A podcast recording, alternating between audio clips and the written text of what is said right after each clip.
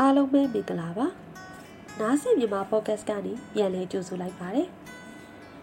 ကျမတို့ရဲ့အုံနောက်ကသစိမ်းတယောက်နဲ့စတွေ့တဲ့အခါပထမဦးဆုံး9စက္ကန့်ကနေ15စက္ကန့်အတွင်းမှာပဲ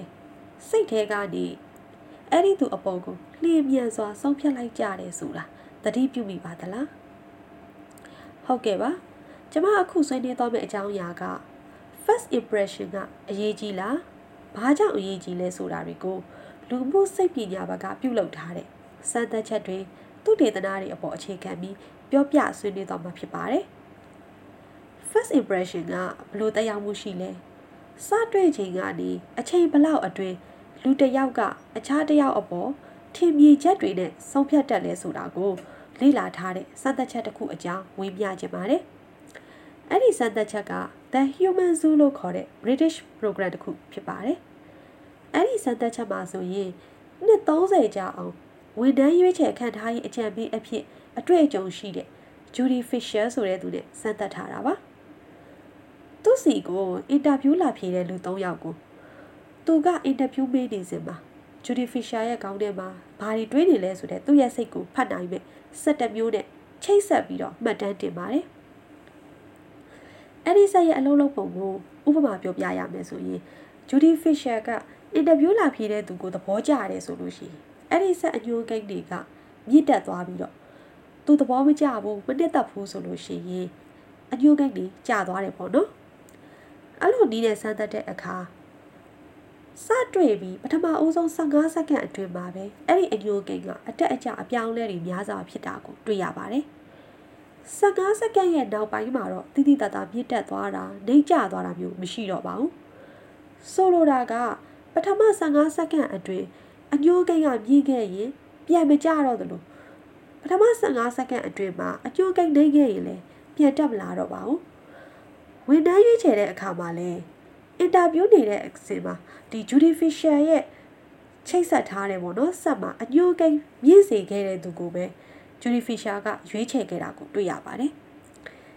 အဲ့ဒီစမ်းသပ်ချက်ကိုသိချပြန်ကြည့်မယ်ဆိုရင်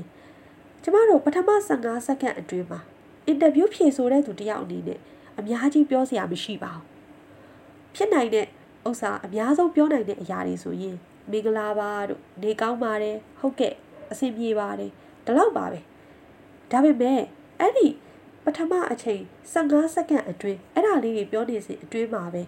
အင်တာဗျူးရဲ့အဆုံးအဖြတ်ကထွက်သွားခဲ့ပါတယ်ဆိုလိုချင်တာက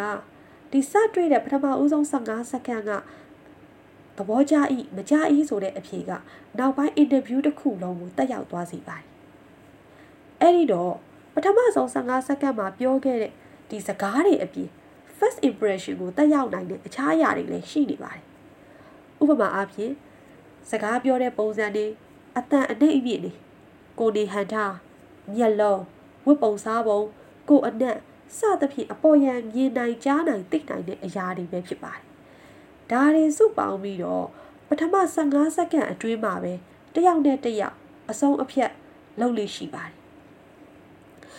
ဒီစမ်းသပ်မှုတစ်ခုတည်းမှမဟုတ်ပါဘူးအခြားသောစမ်းသပ်မှုတွေလည်းအများကြီးရှိပါတယ်